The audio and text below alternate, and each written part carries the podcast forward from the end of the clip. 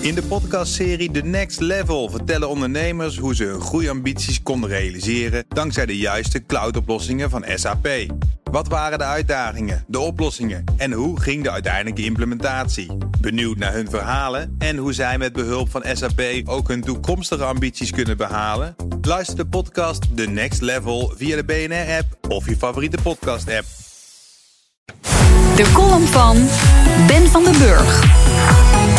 We luisteren naar de World Economic Forum oprichter Klaus Schwab.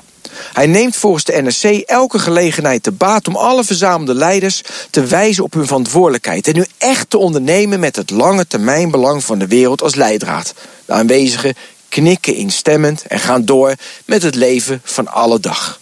In de bubbel buiten Davos zijn namelijk de persoonlijke belangen groter dan de goede intenties. Ook kun je slechts kleine stapjes zetten omdat je anders iedereen onderweg verliest. De derde smoes om niets met het thema van de bijeenkomst Responsive and Responsible Leadership te doen, komt door het gebrek aan moed en daadkracht van de meeste deelnemers. Er is een uitzondering. De oprichter van het Chinese internetbedrijf Jack Ma gaf zijn kijk op de Amerikaanse strategie van de afgelopen 30 jaar. De US ontwikkelde technologie, het intellectueel eigendom en het merk. Het handwerk voor het maken van apparaten werd verplaatst naar China en Mexico en zo verdiende de US miljarden. Vervolgens voerden de Verenigde Staten de afgelopen 30 jaar 13 oorlogen, wat 2000 miljard dollar kostte. Daarnaast ging al de winst naar de boys op Wall Street. Dat ging goed tot 2008. De financiële crisis verdampte een kleine 20.000 miljard dollar. Ik weet dat de Wall Street de redenering kort door de bocht is, maar het gaat om het principe. Waar besteed je je geld aan? Je had het volgens mij ook kunnen investeren in het Midwesten van de Verenigde Staten. Het spreekt voor zich dat de oorlog en Wall Street onverstandige investeringen zijn. De gangbare mening is dat de US het geld beter had kunnen besteden aan het onderwijssysteem, het gezondheidsstelsel en het duurzame energievoorziening. Ik onderstreep die mening en toch knaagt er iets. 30 jaar geleden zette een buschauffeur op Malta me af.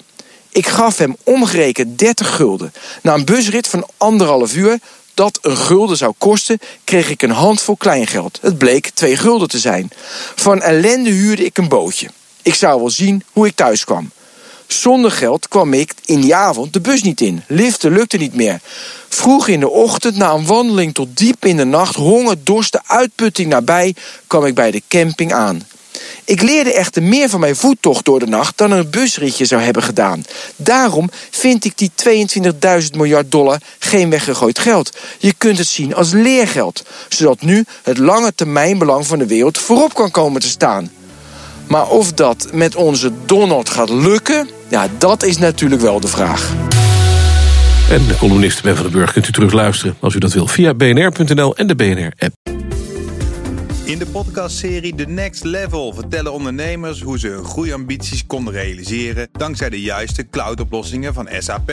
Wat waren de uitdagingen, de oplossingen en hoe ging de uiteindelijke implementatie? Benieuwd naar hun verhalen en hoe zij met behulp van SAP ook hun toekomstige ambities kunnen behalen? Luister de podcast The Next Level via de BNR-app of je favoriete podcast-app.